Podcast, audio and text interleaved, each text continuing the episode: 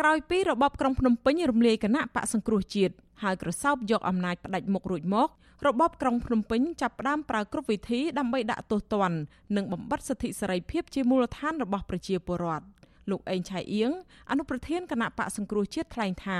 របបប្រជាធិបតេយ្យសេរីពហុបកគឺប្រជាពលរដ្ឋគ្រប់រូបមិនត្រឹមតែមានសិទ្ធិសេរីភាពប៉ុណ្ណោះទេ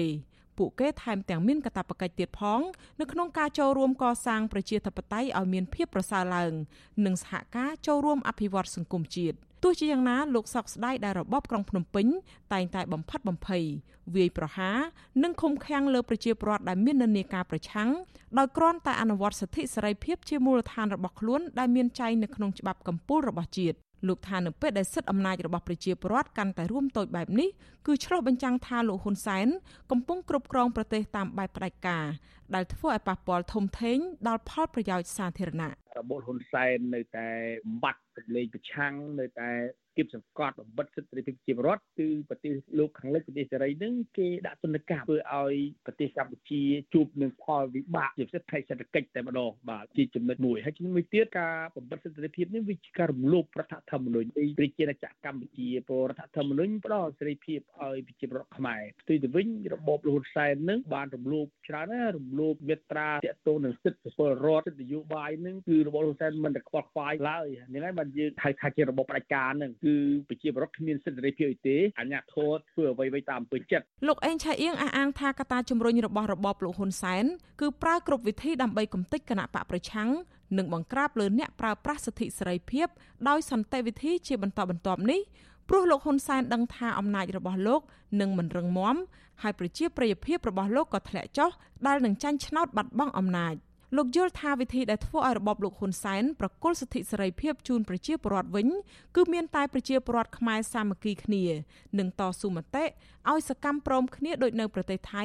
និងប្រទេសភូមាឬមីយ៉ាន់ម៉ាជាដើម។ ប៉ុន្តែខ្ញុំមើលឃើញថាអាភាពខ្លាចហ្នឹងវានឹងដល់ពេលមួយដោយកាលណាការគិតសង្កត់ការជិះជាន់ការបំបត្តិសិទ្ធិភាពវានៅតែខ្លាំងទៅខ្លាំងទៅដល់ពេលមួយប្រជាប្រដ្ឋខ្មែរនឹងភាពអត់ធ្មត់ភាពដែលខ្លាចមកកិនលេខខ្លាចវិញហើយអានឹងគឺកាត់ទៅតែចេញហើយប៉ុន្តែឥឡូវនេះខ្ញុំថាពេលនេះគឺមានតែយើងអស់គ្នាយើងរួមគ្នាជាសាមគ្គីគ្នាងើបឡើងស្រុះគ្នាអស់គ្នាទៅយើងនឹងឈ្នះហើយបាទ ក្រៅពីអ្នកនយោបាយបកប្រឆាំងនេះអ្នកខ្លំមើលបញ្ហាសង្គមក៏ពិនិត្យឃើញថាសិទ្ធិអំណាចរបស់ប្រជាពលរដ្ឋកាន់តែរួមតូចនិងស្ថិតនៅក្នុងស្ថានភាពគ្រោះថ្នាក់ដែរ អ្នកវិភាគបញ្ហាសង្គមនិងនយោបាយបណ្ឌិតឡៅម៉ុងហៃមានប្រសាសន៍ថារបបណាក៏ដោយដែលបង្ក្រាបនិងដាក់ទោសទណ្ឌប្រជាពលរដ្ឋមិនឲ្យប្រើប្រាស់សិទ្ធិសេរីភាពដោយសន្តិវិធីដែលមានចែងនៅក្នុងរដ្ឋធម្មនុញ្ញគេអាចនិយាយបានថា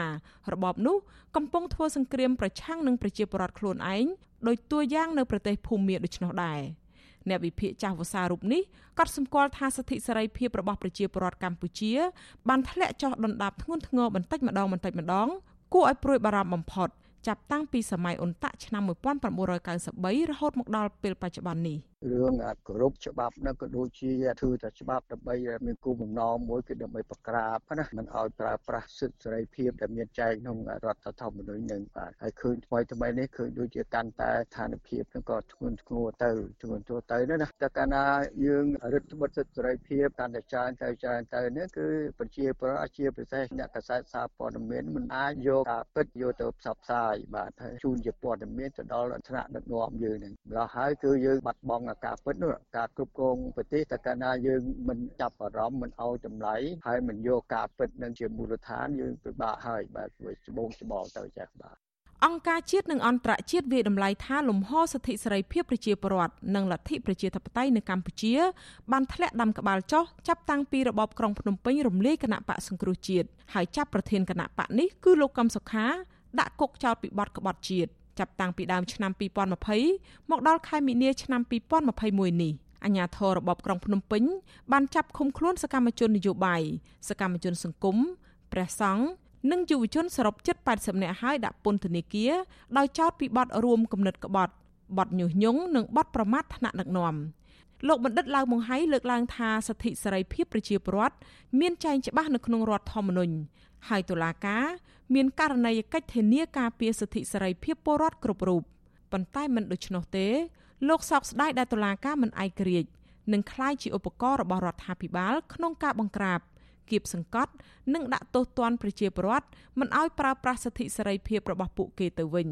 លោកជំរុញឲ្យជន់ជាប់ចោតពីបទញុះញង់ដោយសារតែការបញ្ចេញមតិដោយសន្តិវិធីកន្លងមកគួរតែប្តឹងទៅក្រមប្រឹក្សាធម្មនុញ្ញអំពីច្បាប់អធម្មនុញ្ញភាព និងតុលាការមិនឯករាជ្យ ដើម្បីសុំឲ្យដកហូតការចោទប្រកាន់និងប្រគល់សិទ្ធិសេរីភាពជូនពួកគេឡើងវិញអានឹងស៊ីសងសម័យខ្លួនជាប់ចោទនោះតើយល់ថាគ្រាន់តែប្រើប្រាស់សិទ្ធិសេរីភាពក្នុងការបញ្ចេញមតិឬក៏ជួបជុំគ្នាឬក៏បោះពុំផ្សាយចំនួននឹងគឺវាអត់សមថាអូទៅបង្កើតភាពបឹកបោអីផងទេព្រោះយើងមានស្តង់ដារទៅទៀតភាពបឹកបោអីចូលក៏ឆ្នាំ2013គឺភាពបឹកបោចំណាព្រោះតែពី3នាក់ថា4 10នាក់ចុះព្រោះទៅបង្កើតភាពបឹកបោអីធ្ងន់ធ្ងរ ទៅបានទេមែនហ្នឹងត្រូវទៅតតាំងហើយខ្ញុំបានបរោះបដាបដាហើយត្រូវទៅតតាំងជាធម្មនុញ្ញភាពហ្នឹងតកតងទៅនឹងការលើកឡើងនេះអ្នកនាំពាក្យគណៈកម្មាធិការសិទ្ធិមនុស្សរបស់រដ្ឋាភិបាលលោកកតាអូនឆ្លើយតបថាប្រជាពលរដ្ឋកំពុងតែប្រើប្រាស់សិទ្ធិសេរីភាពយ៉ាងពេញលេញ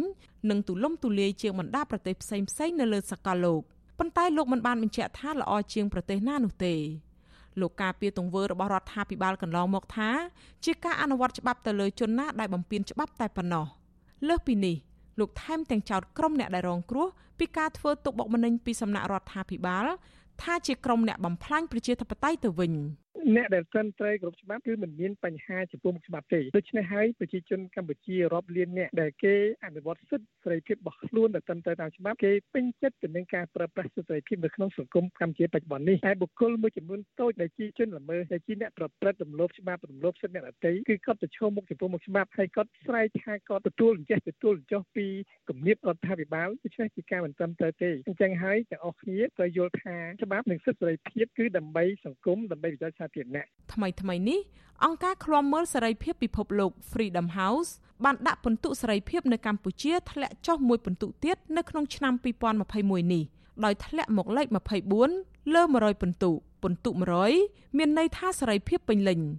សេរីភាពដែលអង្គការឃ្លាំមើលសេរីភាពពិភពលោកវាយតម្លៃនេះផ្ដោតជាពិសេសនោះគឺសំដៅដល់សិទ្ធិនយោបាយនិងសិទ្ធិពលរដ្ឋបើតាមអង្គការនេះសិទ្ធិនយោបាយរបស់កម្ពុជាធ្លាក់ចុះខ្លាំងស្ទើរដល់កម្រិត0 រីឯសិទ្ធិពលរដ្ឋវិញក៏ស្ថិតនៅក្នុងភាពរដ្ឋបတ်ដែរដែលកម្ពុជាទទួលបានពិន្ទុមិនដល់ពាក់កណ្ដាលផង